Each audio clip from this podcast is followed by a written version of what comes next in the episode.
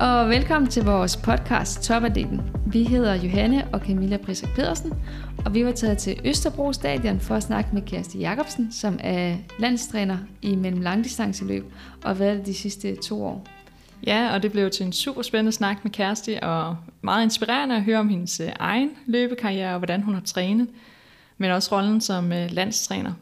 Vi øh, snakkede bagefter om, at det her med, at det var ret sjovt at høre om den, altså en helt anden tid at løbe i. Øhm, og hun jo havde at løbe langt, på trods af, at hun egentlig øh, har nogle rigtig flotte maratonpræstationer. Ja, så var det jo bare før, at, øh, at, at alle de øh, afrikanske kvinder var kommet i gang med den distance, så altså, der var lige pludselig nogle, nogle andre muligheder.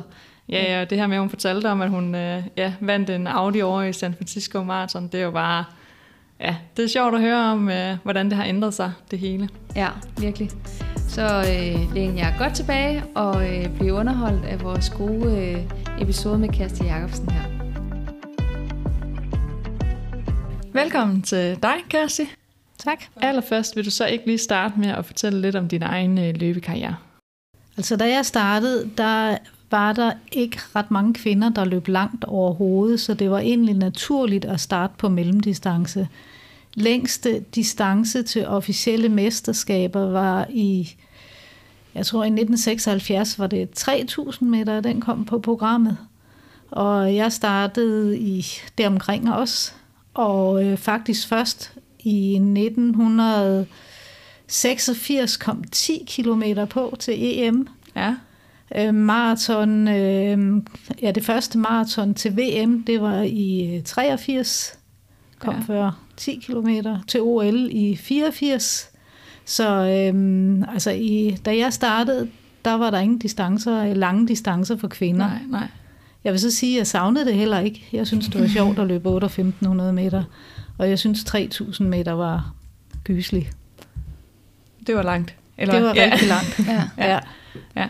Og hvor gammel var du der, da du sådan rigtig startede, eller da du sådan fandt ud af, at du kunne noget? Altså jeg har altid lavet meget sport, og det var egentlig først, da jeg flyttede til København og startede med at læse i, øh, hvad har det været, i 75, at jeg valgte, at det var atletik, jeg gerne ville. Jeg har sådan set også sprunget højde og lavet lidt andet, ikke? Okay. Men øh, der fik jeg ligesom stukket i hovedet, hvad ved du? Altså du er nødt til at vælge, og det blev løb. Ja. Og så øh, hen ad vejen, så skifter du lidt mere over til de længere distancer. Jamen altså, øh, jeg blev skadet. Jeg fik en del skader lige pludselig, da jeg begyndte at træne noget hårdere. Og øh, så i en skadesperiode begyndte jeg at løbe langrand. Og øh, det fik så også, øh, det kastede jeg også en masse energi i, så det endte jo altså også med en skade og et øh, ødelagt ledbånd. Og øhm, ved genoptræningen af det, så fik jeg et tilbud om at løbe maraton i USA. Ja. Og øhm, jamen, det var så langt, så det var vildt, men det skulle da bare prøves. Ja. Og øhm, da jeg blev nummer to og vandt 25.000 kroner, så tænkte jeg, okay, det prøver jeg da gerne igen. Ja, ja det kan noget. Ja. ja. ja. Men det var dit allerførste maratonløb. Der, øh, der går du ind og får en anden plads. Ja. ja. Hvad havde træningen op til der? Havde du for... Altså det, jeg tænker, det er jo langt at løbe øh, maraton i forhold til, hvis man synes 3.000 meter allerede er langt. Altså jeg prøvede at løbe 30 km til træning. Okay. Ja, jeg synes, det var afskyeligt langt, ja. og jeg synes ikke, det er sjovt at løbe langt. Nej. Og det har jeg aldrig lært at komme til at holde af. Altså det var stadigvæk, selvom du har haft en god, lang, eller en god karriere med, med maraton og langdistance. Ja. Der var ikke, det var ikke der, din kærlighed lå til, eller hvad? Jeg har altid savnet at få lov at løbe det kortere og hurtigere. Ja. Okay. Men hvordan kan det være, at du øh, altså så ikke satsede mere på de kortere? Var det simpelthen fordi, du jeg fandt ud af, at du havde mere talent på det lange, eller... Altså, der er nok ingen tvivl om, at jeg havde mere talent på det lange, men man skal også huske på tilbage der i 80'erne, hvor jeg mm. løb maraton, at øh, der havde folk ikke så mange penge, og man rejste ikke så meget, og mit første løb, det var i USA, og mit andet løb, det var, hvad var det, måske Japan eller sådan et sted, ikke? Altså, ja. jeg kunne rejse jorden rundt på den måde, og jeg kunne ovenikøbet tjene penge på det. Ja. Så øhm, jamen, som studerende, det var jo bare fedt, ikke? Jo. jo. jo. Og usædvanligt også vel, eller, sådan, eller der må sådan have været en eller anden sådan wow-effekt omkring det, eller at, at du lige pludselig kunne det. Jo, altså det var der jo, og, men altså det var så meget en anderledes tid dengang. Det var da maraton ligesom blomstrede rigtigt op, og øhm, det var de afrikanske kvinder var endnu ikke begyndt at løbe maraton mm. rigtigt, så at almindelige hvide kvinder havde en god chance for at placere sig, og der var meget prestige i at lave maraton, så mange lande var meget interesseret i at have mange lande på startstregen. Mm. Og det betød jo, at de sendte invitationer meget bredt ud til forbundene. Og fordi det nu var sådan, så var det måske også lettere at skaffe økonomi, pengepræmier osv. til at afholde på det niveau der. Så i hvert fald, man fik jo altid øh, rejser og lommepenge og mulighed for at vinde nogle pengepræmier. Ja. Så øhm, jamen, det var da fedt. Ja, ja, ja, det lyder fedt. Eller det er måske nogle lidt andre øh, ja, forhold, at hvide kvinder op imod i dag, eller i hvert fald, det er jo øh, ja, ja. noget andet. Ja, ja, det kan vi komme ind på senere også. Ja. Ja. Hvad har været din øh, største oplevelse i din løbekarriere? Uha, det synes jeg er rigtig svært. Um, måske det har været at vinde San Francisco Marathon, fordi det gav så meget hurlumhej, fordi jeg vandt en Audi. okay. ja, så på en eller anden måde, dels fordi, at løbet var forbundet med en rigtig god tur, hvor jeg havde min øh, kæreste med. Ja. Og vi øh, var i seks uger og kørte rundt i Kalifornien, og øh, jeg blev sat af bilen og trænet, og og, sådan, og så pludselig så havde jeg vundet en Audi. Ja. det var man ikke lige vant til, nej. Nej, det lyder fedt. Ja. ja. Men hvad, det lyder også lidt som om, at du måske er sådan en person, også du siger det her med langrend, at når, når du sådan går ind i noget, så bliver du virkelig også god til det. Eller du må have en eller anden øh, vedholdenhed, eller stedighed. Det kan måske lyde lidt negativt, men sådan lidt... Øh, altså, du må have et eller andet ekstra drive, eller ja, Altså, jeg synes, øh, træningen er spændende, og jeg har jo læst øh, hovedfag idræt, og jeg synes, træningsfysiologi er rigtig spændende at bruge mm. den på sig selv, og træne så effektivt som muligt. Og, øh, og jeg tror meget egentlig, det er det, der har motiveret mig at afprøve de ting, jeg har læst, og så gøre det effektivt. Så øh, ja, jamen altså, det er jo meget tid, man bruger på at træne, så der er ingen grund ja. til at spilde tiden med at lave noget, der ikke virker. Nej. Men fandt du så også hurtigt den der øh, vej, altså hvad der virkede for dig? Altså, jeg fandt i hvert fald ud af, at øh, jeg skulle ikke lave for meget, jeg ikke kunne lide. Fordi ja. så gad jeg ikke at træne det. Så øh, ja, jo, altså for mig virkede det at løbe forholdsvis hurtigt, og så ikke så meget, som man løber i dag. Okay. Og så det, du synes var jeg, ikke op på de der 200 eller 150 km om ugen? Eller? Jeg har en uge prøvet at løbe 160 km. Ja. Og det synes jeg var afskyeligt langt. Ja. Øh, jeg vil meget hellere løbe... Øh, altså når jeg træner hårdt, så var jeg oppe på 140 km om ugen. Og det vil jeg hellere løbe to gange 10 km om dagen, end at løbe 20 km. På en gang, ja. ja. Var det så, at du kører, altså var det så mere effektiv træning, hvis man kan sige det sådan, altså højere tempo, end hvor nu der, altså kan vi jo meget godt køre sådan noget langt og langsomt, i ja. nogle ture i hvert fald, hvor man bare tænker, det er en restaurationstur. Var du så mere effektiv i din? Øh, ja, ja. Helt afgjort. Ja. Altså jeg løb aldrig, stort set aldrig langsomt. Nej. Og hvad var det, hvad, hvad, hvad, for eksempel hvis du skulle løbe to gange 10 km på en dag, efter at du måske har haft et intervalpas dagen før, tænker hvad, øh, hvilket pace holdt du så? 4 minutter per kilometer. Ja. Okay, ja. Det var sådan din mellemdagstur. Ja. Ja. Og hvad, hvordan havde dit uh, intervalpas dagen før så typisk set ud? Jamen, øh, nogle gange løb jeg intervaller delt op, både om morgenen og om aftenen, igen fordi at høj træningsmængde, synes jeg ikke var særlig sjovt. Men altså, det kunne være 6-8 km intervaller, det kunne være 1000 meter, det kunne være 2000 meter, det kunne også bare være på minutter, fordi på et eller andet tidspunkt, så synes jeg bare, at jeg blev dårlig, når jeg kiggede på uret og løb 1000 meter intervaller. Mm, ja, ja, det blev meget øh, distancespecifikt. Ja. ja. ja.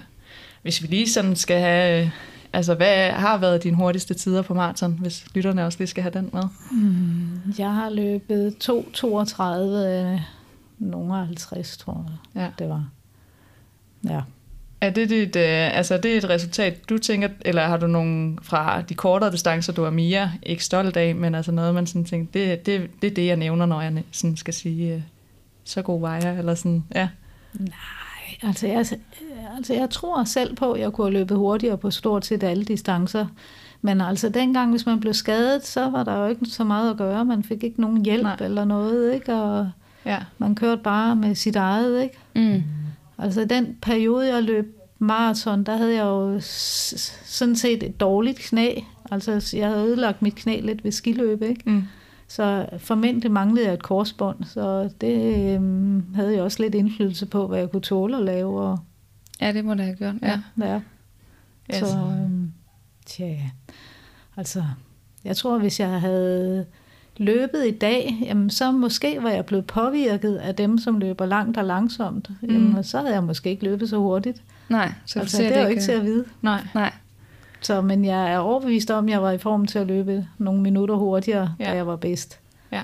Altså dengang gik man heller ikke så meget op i at løbe hurtige ruter. Nej, nej. Man gik op i at vinde løb. Ja, Det gjorde jeg i hvert fald. Mm. ja.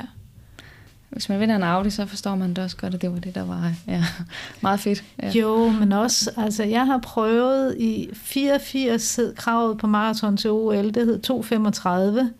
Det var jo en ny distance. Jeg løb 2.34 noget, og så tænkte de, hov, det må have været for lidt. Og hun skal ikke med, så Nå. jeg kom ikke med til OL.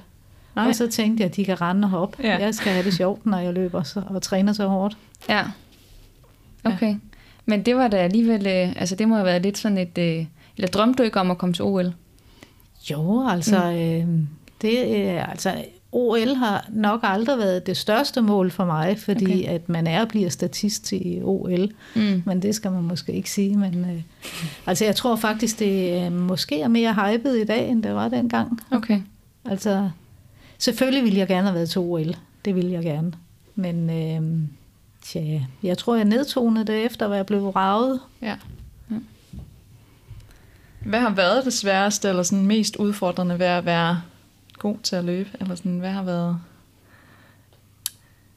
Jamen, jeg, jeg synes, det mest udfordrende dengang, det var måske nok, at det var dengang, at der blev brugt rigtig meget doping rundt omkring. Mm. Så at jeg fik jo bare altid at vide, at jeg ikke var god nok. Nej. Altså, øhm, det var en anden tid, og hvis man sammenligner tiderne med i dag, jamen, så er det jo ikke sådan noget specielt, der har løbet det, jeg har løbet. Men øhm, man skal bare huske, at for de andre, der trænede samtidig, jamen, der var nogle af Østeuropa, de var jo sådan professionelle atleter, Ja. og en stor del var også dopet. Mm. I Danmark okay. var man super amatør. Altså, jeg havde dårligt nok en træner. Altså i perioder havde jeg en god træner og fik masser af inspiration, men ellers passede man jo meget sig selv. Ja. Okay, ja. Ja, det er, en, det er en anden tid, og det fører måske også lidt over til øh, den videre snak her med øh, altså din trænerrolle, og især her din øh, rolle som landstræner. Altså det her med, at i dag bliver tingene jo gjort på en helt anden måde. Øhm, hvis du sådan vil prøve at sådan føre os videre, hvordan, øh, da du selv sådan stoppede din løbekarriere, og så nu er blevet landstræner, og hvad skete der ligesom i, øh, i årene efter det, og hvordan er du endt i landstrænerrollen, som du har i dag? Altså faktisk var jeg også træner, mens jeg løb, fordi Okay. jeg har altid gerne ville være træner. Og øhm, det var selvfølgelig også derfor, jeg har valgt den uddannelse, jeg har Mm. valgt. Øhm, så det har bare altid været naturligt. Så ikke så meget der. Jeg har været træner i en klub siden, øh, pum, tror mit første job var faktisk, da jeg har været omkring øh, 20 år, hvor jeg flyttede ind der i 70'erne. Ikke? Mm. Mm. Altså, så jeg har altid været træner. ja. Har det været et mål at blive landstræner? Har det været en karrieremål? Mm, Nej, det har det egentlig ikke, fordi at øhm, at være landstræner, i hvert fald det, som jeg har oplevet her, det er svært at forene med små børn. Ja. Det er ja. virkelig svært. Og, øh, Og så når du siger det, hvad, altså, hvorfor er det svært? jamen, det er mange lange rejser Ja. og øh, weekender. Mm. Altså man arbejder, når andre har fri. Ja. Der, hvor man skulle lave noget med sine børn, ikke? Jo. Ja, der er man afsted. Ja, Ja. selvfølgelig er der også fordele. Altså øh, måske specielt her efter corona. Altså jeg sidder meget og arbejder hjemme. Mm. Øhm, og kan planlægge min tid. Der er masser af gode ting i forhold til det. Ja. Det kan også være lidt ensomt. Men øhm, så må man selv ud og opdyrke sit netværk og finde ud af, hvordan man fungerer bedst. Ja. hvad er de typiske arbejdsopgaver som landstræner?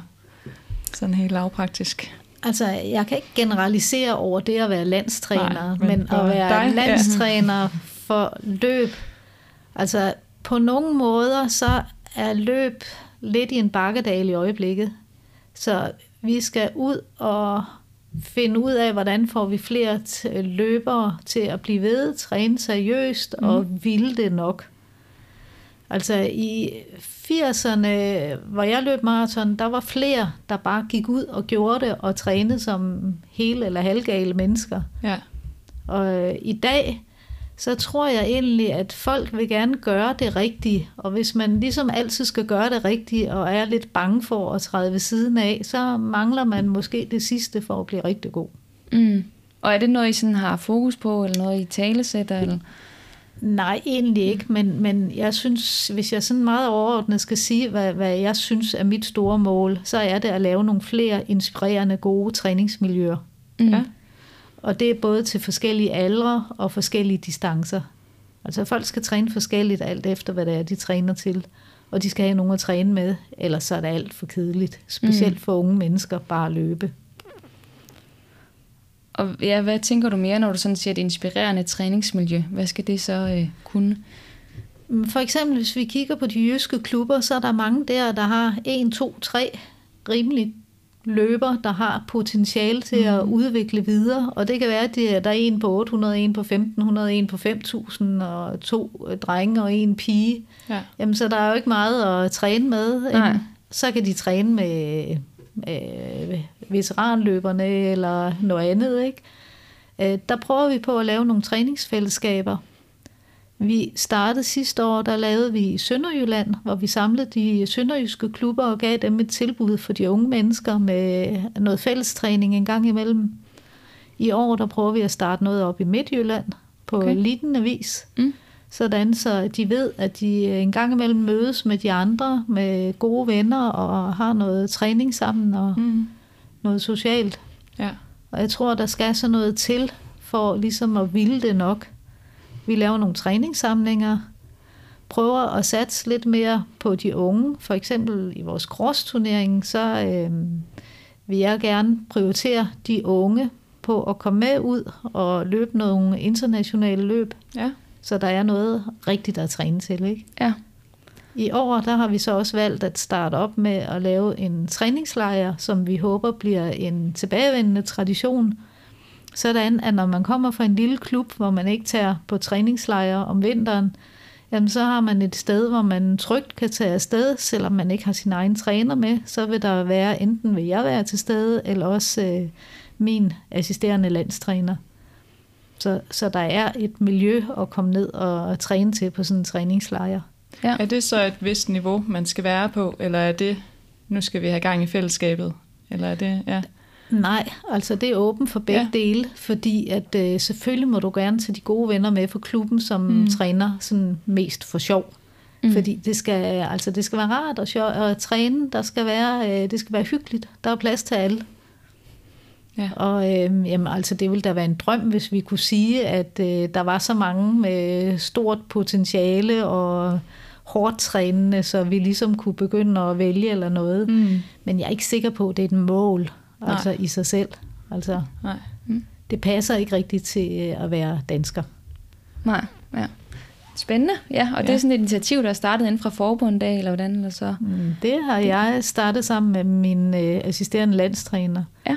Altså det er os, der ligesom er idéudvikler på, hvad kan vi gøre for at fastholde unge, øh, eller få dem til at blive interesseret i at komme. Altså mm. hvad gør, at det er sjovt at træne lidt Ja. hårdere, end det de gør, ikke? Jo. Mm. Udvikle sig. Ja. Ja, så det der med at se andre træne jo, eller hvad det kan gøre, det er jo også, man bliver måske også lidt forblændet, hvis man øh, er vant til at være i en klub som for eksempel Sparta. Altså der har man jo hele tiden nogen at kigge på. Eller det der med, hvis man render rundt en 3-4 stykker i en klub, hvor der måske er mere ikke så tæt befolket, Altså at så er der bare længere, ja. at være i en Københavnerklub eller en Aarhusklub, det er bare Mm. noget helt andet Ja. ja. end resten af landet. Ja. Det er det virkelig. Ja. Men det er jo ikke sjovt, men altså, at man tænker, eller vi har jo også nogle gange snakket om, altså der er jo potentiale derude, ikke? Altså der er jo helt vildt mange, der løber. ja. Og øh, det her med at være med i et fællesskab i løb. Altså det kan jo noget helt, altså det er jo ligesom hvis man går til alle andre foreningssport, eller sådan, det kan noget helt andet end at også løbe rundt selv. Øhm, hvor vi i hvert fald også snakker om, der med en store gruppe, og altså ildsjælen i Christian Friis, der har også startet vores hold op øh, på en hel, altså det der fællesskab, og ja, der er meget mere end kun løbet i det. Og det tænker man, det må jo være øh, ude i Danmark også, øh, andre steder, eller sådan, ja. Det er det, ja. altså, og det er bare, har bare lidt med svære betingelser ja. at trives under. Ja. Altså løb, ja, men øh, fællesskabet, det er det, mange prioriterer højst, og ja. det gør måske så også, at hvis man vil være god, så øh, giver man ikke det, der skal til, fordi der er man nu engang nødt til at lave noget alene også, ja. fordi man ja. passer bare ikke med nødvendigvis nej. med dem, der er omkring nej, en. Nej, Jamen, det er rigtigt. Ja, og nogle prioriteringer i ja. ens liv generelt også jo. Ja. Altså, så man bliver nødt. Hvis man skal steppe op i hvert fald, så er det jo ja, ikke kun hygge det hele og sjovt. Nej. Vil jeg sige. Ja. jeg ser nogle andre, som der har taget nogle offringer. Ja. Det er nok også ret sundt i den alder der. Ja. ja. Men hvad så, øh, når du sådan virkelig tænker, wow, det, det er godt nok fedt at være landstræner. Altså, hvad, hvad er der så sket? Jamen, så har man haft en atlet, der virkelig har præsteret, og øh, se atleten øh, lave resultatet, men også den glæde, der er bagefter med, at målet er nået. Mm. Det er fedt. Fedt, ja. Har du ja. haft nogen sådan inden for, øh, hvor du sådan kan fremhæve, at der, det gik bare efter planen, eller at I har måske arbejdet hen imod noget, som, hvor det bare lykkes? Altså nu er jeg jo ikke personlig træner for ret mange. Jeg er personlig træner for Anna Emilie på forhindringsløb. Og der har, hun har jo lavet rigtig mange superløb, som hun har mm. vundet, og øhm, altså øhm, været finaler i de store internationale stævner. Altså det har jo været helt fantastisk. Mm. Men jeg vil da også sige, som landstræner, at være med ude, når man øh, får en europamester i cross, mm. og øh, ved samløb også en bronzemedalje, ikke? Ja, ja. Det er da fantastisk. Ja. Så det er jo vores to unge talenter, Axel fra Hillerød og Joel fra Bagsvær, ikke? Ja. Ja, de rykker derude ja. af for tiden. Ja. Ja. ja. Ja, det må være fedt. Ja. Ja, fordi det er jo ikke fordi, at når I for eksempel så er afsted på tur, så er det jo... Øh, altså, man har jo sin egen træner i klubben, så det er jo egentlig ikke sådan en træner for selve øh, løberne øh, som sådan, vel? Jo, altså, hvordan fungerer det sådan helt lavpraktisk i forhold til, hvad har du at skulle sige i deres træning, eller sådan, ja? Altså jeg håber jo på, at jeg kan være med til at inspirere deres mm. trænere og komme med nogle input til, hvad de kan lave. Altså øh, vi har blandt andet indført et øh, registreringssystem, så at vi kan gøre alle trænere klogere på, at, hvad træner dem, som det lykkes for. Mm. Men altså, øhm, nej, altså det er jo en form for øh, formidlerrolle ja. og inspirator. Og, øhm, jamen, og så skal der jo først bygges nogle forer op, hvor man ligesom kan udøve de ting, ikke? Ja. Og det har, synes jeg egentlig, været ret meget at starte fra bunden af med det her.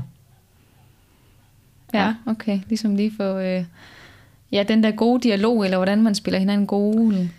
Jamen, altså, i Danmark så er træning, øh, det er meget religion frem ja. for mm. videnskab.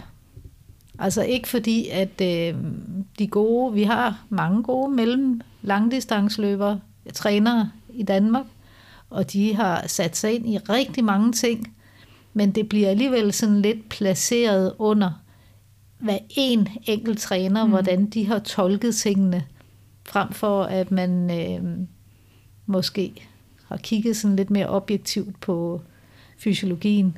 Og det er jo ikke fordi, jeg synes, at øh, det er fysiologien, der skal styre træning, fordi en træners rolle, det er jo at se, hvordan får man tingene til at passe til den person, man står med. Mm. Og det er jo noget med, at man skal have fornemmelse for. Og, og det er jo der, at øh, en klubtræner bliver så rigtig vigtig, ikke? Mm. Så man skal kende sin atlet godt, og øh, atleter skal jo ikke træne ens. Nej, ja, så det er jo, ja, det kender vi jo fra de forskellige trænere, der ligger et kæmpe arbejde i det. Eller det her med at differentiere træningen fra atlet til atlet, og ja, måske også, hvad der motiverer. Altså som du også siger, at du vil hellere løbe to gange 10, end at løbe 20 samlet. Og, altså ja, der er jo mange ting i det ja. for en enkelt træner. Ja. Og hvad? Ja. Nå. Jamen, det var, vi kunne godt tænke os. Altså, nu sidder vi jo her øh, rigtig i gang med at starte noget op, og, og kvinder, som vi jo kalder os, øh, ikke piger længere. Men øh, det her med at være kvinde i landstræner, det vil vi gerne høre noget mere om. Er der, har der været nogle udfordringer forbundet med det? Eller sådan, der, der er jo ikke så mange øh, sportsgrene, hvor det egentlig er en kvindelig øh, landstræner. Altså egentlig øh, synes jeg sådan i dagligdagen, nej. Nej. Det synes jeg ikke, der er. Jeg har nogle gode kollegaer, og øhm, jeg tror ikke, det gør nogen synderlig forskel, om jeg er mand eller kvinde Nej. i den forbindelse. Altså, øh, det har nok betydet mere for nogle år tilbage, tror jeg. Øhm, men det er ikke noget, jeg går og tænker over til hverdag. Nej. Altså, en gang imellem, så tænker jeg, måske jeg skulle være med til at gøre et eller andet for at få flere kvinder ind, fordi det er en fordel at have flere kvinder med som træner, også når man er ude med hold. Fordi der er nu engang ting, som er lettere at snakke med, med en kvinde om for nogle af de unge piger der. Mm. Øhm, så, så jeg synes, der er et stort mål i at få flere kvinder ind. Altså det er der. Det, mm. kan, det kan der overhovedet ikke være tvivl om. Nej. Men tænker du også, at det også kan have en betydning i forhold til, hvordan at piger og unge, øh, de, øh, altså de præsterer? Altså hvis der var flere øh, trænere på højt niveau, som var kvinder, tror du så også, at man havde set, at der kunne være flere udøvere? Altså, der er både plus og minus mm. på det med at være kvindelig træner, fordi at, øh, altså, øh, der er jo også nogle piger, unge, unge piger, der synes, at det er rigtig fedt at have en eller anden mandlig træner, og det motiverer dem mere, end der står en halvgammel mm. kone og ligesom siger noget til dem. Øhm, altså, jeg tror, at der er mange, der mangler at kunne komme og sige et eller andet, altså i forhold til menstruation og hvordan kroppen virker og så videre, at det falder ikke lige så naturligt, når der er en mandlig træner. Så i perioder, hvor måske tingene ikke helt kører, så tror jeg, det vil være lettere for piger at kunne mm. komme til en kvindelig træner. Det er jeg ret overbevist om. Ja. Tænker du over din kommunikation i forhold til, når du træner, altså i forhold til drenge og piger? Altså er der forskel i, hvordan du håndterer og snakke med kønnene? Eller sådan? Er det noget, du tænker over i din daglige træning? Mm, ja, det tror jeg nok. Altså ja. ikke sådan, at jeg øh, bevidst kommunikerer meget forskelligt, men der mm. er stor forskel på at træne piger, drenge, mænd og kvinder. Øhm, kvinder er på mange områder mere følsomme, mm. og der skal man sådan, der, der er meget mere personligt i at træne en kvinde. Hvor mænd kan man nogle gange godt tillade sig at være sådan lidt mere firkantet, generaliserende. Mm. Hvor, altså igen, kvinden kan godt tage det lidt nært, ja. hvis man ikke er personlig nok. Ja. ja. Så øhm, og der kommer lettere fnider i kvindeafdelingen end i mandeafdelingen. Ja. Ja. Lidt ja. desværre. Mm. Altså, øhm, det er ikke altid kvinder er lige så inkluderende som mænd. Nej. Nej. Men det er meget sjovt, fordi at jeg kommer lidt baggrund øh, i fodboldverdenen, og øh, der kan man bare tydeligt mærke, når man altså også spiller på et lidt højere plan der, så får man sådan en træner, der har haft, øh, altså en mandlig træner, som har haft nogle herrer, som også var super dygtige.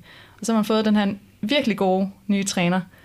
Men altså snakken der i omklædningsrummet bagefter en kamp eller sådan noget, altså der kunne man bare sådan, hold da op, eller sådan, det kunne man slet ikke... Øh, ja, altså shit, vi kunne få noget skæld ud, eller sådan, øh, hvor man er sådan, åh, ja, man, det var lige før, vi kunne græde der bagefter. Eller sådan, det var, man kunne bare mærke, at han kom fra en helt anden kultur, end ja. hvad der er på sådan, nu er det så også et rent kvindehold, man er jo på sådan fodbold, ikke? Men det er virkelig, øh, jeg tror, der er stor forskel i, hvordan, altså om det så er bevidst eller ikke bevidst, men hvordan man lige, øh, ja, Nej, men det kan jeg, jeg kan godt, jeg kan meget godt genkende ja. det, du siger. Ja. Altså, øh, der er stor forskel. Og øh, jamen, altså, det har også altid stødt mig som kvinde, når nu at øh, mænd færdiger noget af med, øh, altså med meget kontant fysiologi og mm. procenter og så videre. Ja, ja, mm. ja. Altså det kan jo ikke bruges til noget, øh, når man nu altså, ved, at der er så stor forskel på. Kvinder har en, en cyklus, og de er ikke på toppen hele måneden. Nej. Og mænd er som udgangspunkt sådan meget mere ens hele måneden, mm. ikke? Ja. Og så kan man kigge lige så meget på og diskutere det med, at spidsen er mere, øh, der er en skarpere spids i kvindesport end i mandesport. der kan ligge øh, 10 og konkurrere næsten inden for øh, altså en ganske lille maven, Ja. hvor ja. kvinderne, der er der tit et, nogle få, der skiller sig meget ud. Ikke? Mm. Og, og det er øh, et eller andet sted, så er det jo, øh, kan man jo sige, at det på nogle måder er mere fascinerende at træne en kvinde, fordi der er så mange flere ting, der skal gå op for at levere topresultatet. Ikke? Ja, ja. Øh, hvor mændene, om, okay, det kan jo løses også ved at give en gang p-piller og styre tingene lidt mere og bla bla bla. Ikke? Ja, ja. Mm. Altså, Ja. Ja, men det jo meget sjovt med de der tal og sådan noget. Nu er jeg jo også lige færdiguddannet øh, i human fysiologi. Hvor vi, altså er jo bare, vi sidder jo tre piger, og øh, resten det er, er drenge på sådan Ja. et hold der. Og sådan er det jo stadigvæk. Eller sådan, øh, ja. Så der er noget i det her med, at man også, eller det tænker jeg i hvert fald nogle gange over det med, at man også har respekten i, at man også selv ved nogle fysiologiske ting, eller sådan, at det er tit, at det er herrene, der kan komme med de der tal, og nogle altså meget specifikke, og det, ja, nu bliver det meget generaliserende. jo, men, øh, men altså det er det jo også, fordi Ja. at også når man lærer fysiologi, så lærer man jo, at kvinder har en lavere Mm. mm. blodprocent, Ja. og det er jo meget hurtigt at omregne til procenter, ikke? og de har en lavere iltoptagelse og så videre, og de har lidt mere fedt på kroppen og Ja. så videre. Ikke? Jo. Så, så alt bliver gjort meget øh, kontant op i kilo og procenter ja. og så videre. Ikke? Jo. Jamen, og øh, så glemmer man lidt hormonerne, der styrer det hele, ikke? Jo. Også at øh, det er jo måske ikke lykken for en kvinde at smide fedtet og komme til at ligne en mand, fordi så Nej. kan det være, at hormonbalancen ryger og så videre, ikke? Jo, jo. Så det er jo et øh, komplekst samspil, som nogle gange øh, bliver øh, sat lidt ud på sidespor, når man Ja. snakker øh, hardcore fysiologi, ikke? jo. Mm. Og derfor er det også nogle gange lettere at teste, altså herrer og drenge. Eller sådan, der er jo bare meget forskning også på mændene, fordi det er jo også nogle gange Ja. bare er lidt let ikke, at tage Jamen, og dem, hvor det ikke svinger så meget. Eller, Ja, lige den del, den, øh, den synes jeg også er ganske væsentlig, Ja. fordi at næsten al forskning Ja. er jo lavet på subelite mænd, ikke? jo, det og, elsker vi. Jamen, og så kan man jo sige, at der er jo ikke så mange kvinder, og bla bla. Jamen, Mm. det er da rigtigt, men husk det bare, når man diskuterer ja. det, ikke? Ja, ja at skulle overføre tingene til Ja. de tal der. Ja. ja, der ligger meget mere bag end, øh, Ja. end kun tallene. Ja. Altså, jeg synes jo, det kunne være meget interessant at lave endnu mere forskning i det der med fedtprocent og præstation. Mm. Fordi jeg synes, der er en tendens til i øjeblikket, at man øh, er god til at få snakket kvinder, piger øh, op til, at det er ok at veje lidt mere, og de stadigvæk præsterer. Ja. Øh, og det er et kæmpe problem, at der er så stort fokus på mad blandt kvindelige atleter, og de er for tynde og så videre. Ikke? De får ganske enkelt ikke nok at spise til den Nej. store mængde træning, de laver. Nej, nej. Og det er jo nogle gange, man, eller idealet, altså, og det er jo ikke særlig godt, men altså, det er jo at være så tynd som muligt næsten. Nogle gange, altså i de forskruede, altså i vores hjerner, løbernes hjerner. Ja, Ja, Ja. øh, at det er Ja, det, ja. man tænker, der optimerer ens løb, det er, at vi skal jo faktisk veje 5 kilo mindre, end det vi gør. Ja. De fleste oplever jo også, at hvis man smider nogle kilo, så, ja. så bliver man jo, så rykker man sig, men så kommer der jo også et eller andet Ja. slut for det, eller hvor skaderne måske træder Jo, ind. altså, men der er man mm. så også bare i dag blevet mere bevidst om, at der, hvor du skal lægge den store træningsmængde, der må du gerne veje lidt mere. Ja. Og hvis du så har en konkurrencesæson, der ikke er alt for lang, jamen så kan det jo godt være, at med lidt råd og vejledning, at der går ud på kilo. Ja. Ja, Men, men det gør jo også, at der bliver sådan lidt syg fokus på vægt Mm. ved at gøre Ja. ja. det på den måde, ikke? Men altså, elitesport er jo ikke sundhed. Nej. nej, nej, og det er jo lige meget, hvad man tager. Altså Ja. sådan, så kan man jo gå over til, øh, ja, Ja, nogle... øh, det ja, hele. det hele faktisk, ja. Ja. ja. Så der er bare nogle gange, hvor der er nogen, der lige bliver skilt mere ud end andre. Ja. Men ja, ja, gen- ja, elitesport, det er jo noget specielt. ja. Øhm, ja. Men hvis vi også lige skal prøve at komme lidt omkring øh, jeres EM øh, her i øh, august. Hvordan øh, gik det så, og fik I indfriet jeres mål? Mm. Du tænker på mine løbere. Ja, Ja, også du må godt lige drage os med ned på turen, eller hvem har I været afsted, og ja, Altså, hvor vi mange har haft der? en rigtig god tur til et øh, velorganiseret og fint EM med super god stemning, og øh, folk har trænet hårdt og været rigtig glade for at komme med, dem der blev udtaget videre. Der er ingen, der er kommet sovende til noget som helst. nej. det er stærkt, ja. Ja. Altså, der er jo lavet nogle lidt andre øh, udtalelsesprocedurer.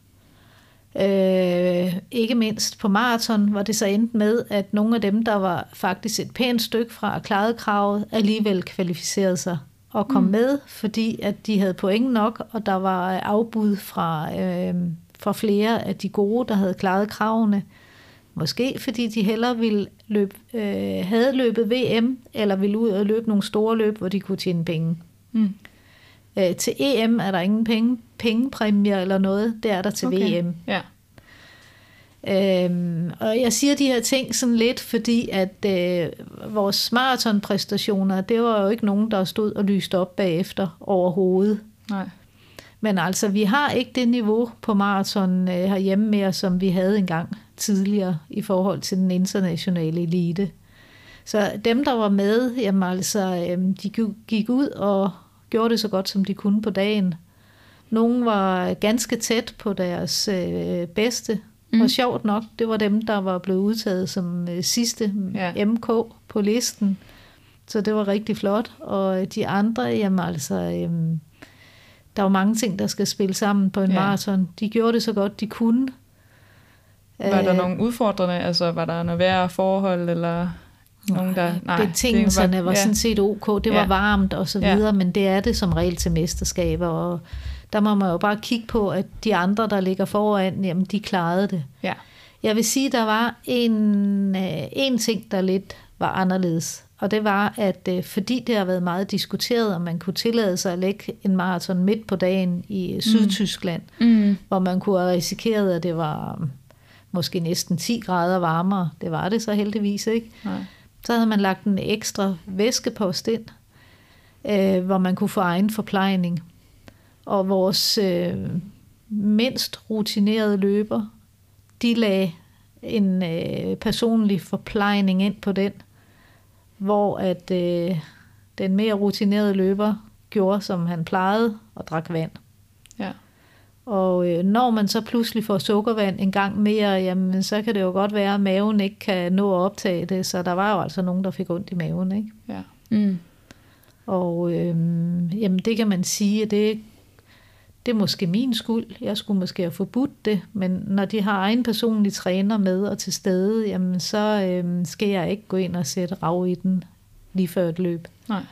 Men altså, vi er også forskellige, så mm. det kan også være, at det har virket super godt for dem. Det kender jeg dem ikke godt nok til at vide. Nej, og svært at lige blive ja, klog på efterfølgende, eller, ja, eller det er jo, ja, hvordan at, ja, om det havde været anderledes, hvis det havde været nogle andre, eller ja. Ja, men altså, man må nok også sige, at det, det er jo noget, jeg skal tænke over, fordi i dag, på, specielt på de længere distancer, så øhm, kan man jo sagtens se, at der kommer nogen ind ude fra landevejsløbene, som ikke har en særlig lang fortid i konkurrenceidræt, eller i konkurrenceløb, ikke? Mm. Og at, øh, altså jeg kunne jo godt høre, at de stiller jo helt andre spørgsmål, og ja. øh, mm. altså, øh, de ser bare anderledes på tingene, og det gør også en forskel. Ja. Men øh, jamen, og det kan man tænke lidt over, hvor man skal agere anderledes i forhold til det. Hvad, tænk, eller hvad kan det være, de sådan har andre... Øh eller hvad, er det mindsetet, eller er det måden, man, altså rutinen i det, eller er det... Jamen jeg tænker, hvis man nu havde haft fat i den inden og ja. snakket nogle af tingene igennem, ikke? Men altså det er bare øh, sådan i dansk atletik, at øh, der er en økonomi, der gør, at man skal prioritere benhårdt. Mm.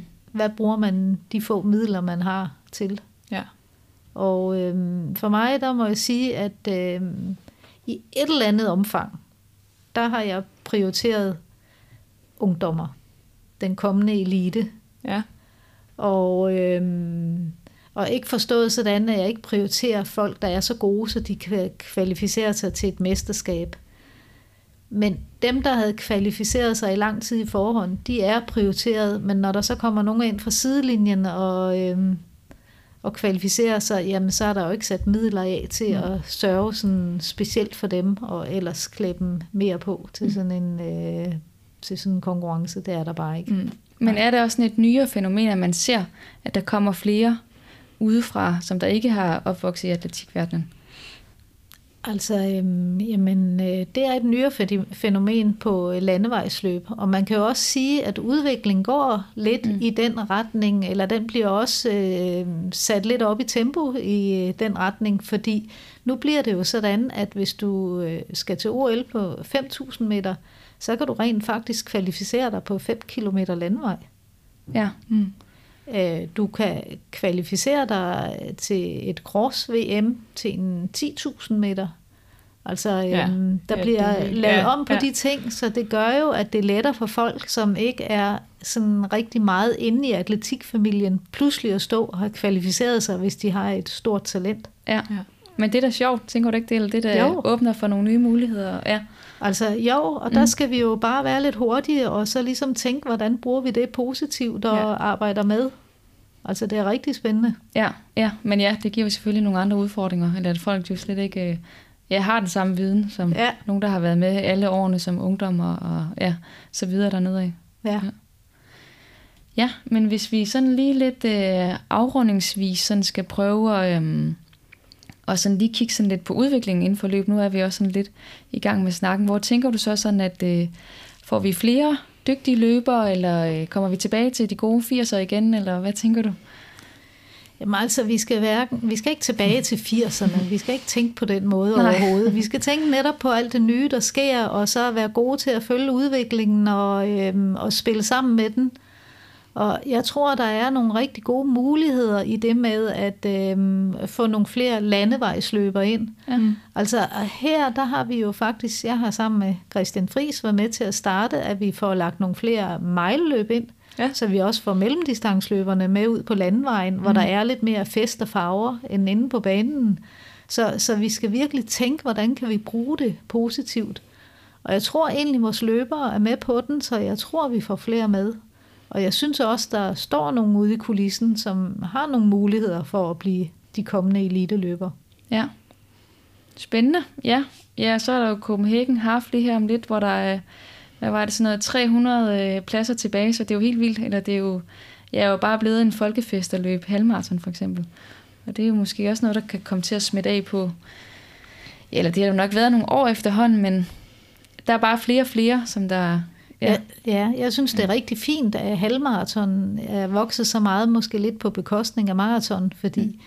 altså, øh, jeg kan ikke se ideen i at slave alle mulige, øh, der nok ikke er skabt til at løbe maraton ud for at vise, at de kan. Nej, ja. Altså en halvmaraton er sjovere, og så kan folk jo øh, også bevæge sig bagefter. Ikke? Mm-hmm.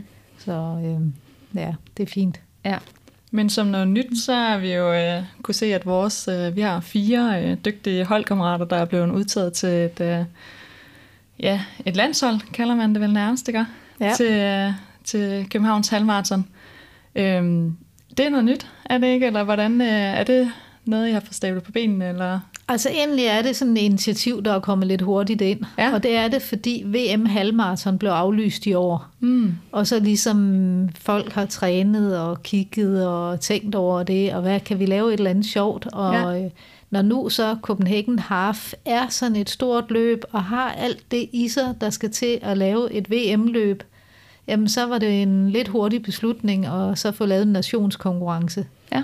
Altså selvfølgelig, den kunne have været meget sjovere og alt muligt andet, hvis man var startet i rigtig god tid. Ja, Men der havde altid, vi jo, ja. ja, altså der havde vi jo tænkt, at krudtet skulle bruges på at få øh, kvalificeret folk til VM, ikke? Ja. Men altså nu gør det så, at nogen havde andre planer og så videre, og så er det fint, så har vi også fået, man kan sige, nogle talentbobler ind på holdet, ja. ikke? Så de får chancen. Ja. Det lyder i hvert fald som en øh, ja, fed idé, og at man kan bruge nogle løb, som allerede er der, til også at ja, komme lidt frem i, øh, i kulissen også. Ja, nogle andre får nogle øh, nye roller på holdene. Eller det der. Jeg synes, det er virkelig stort af dem, der er kommet med også fra vores yeah. hold og de andre også. Ja. Altså, vi kan godt lave gode løb i Danmark, ja. og jeg tror, at det skal vi tænke over, hvordan vi kan også kan udvikle os der. Ja. Ja, hvordan man bruger det i ja. forskellige kontekster. Altså, det, er både, det er jo både bredden, der står der, og så også eliten. Ja. Det synes jeg er fedt, at det kan spille sammen. Ja. Ja. ja. ja. Ja, men ellers så... Øh... Så tror jeg, vi tager at runde stille og roligt af. Ja. Vi har lige en sidste... Øh, ja, hvis man nu øh, træner hårdt i drømmen om at komme op i toppen af løb, og øh, man vil virkelig gerne være til EM næste gang i maraton. Hvad vil du så give af tre gode råd til den her løber? Uh, til EM næste ja. gang. Ja, det er om to år. Ja, så man har lige lidt til at træne. Ja. Men man skulle gerne være startet. Ja, ja man skulle nok godt være i gang. Altså, man skal jo ikke starte med at lægge hovedet under armen, og så bare løbe kilometer på kilometer. Nej.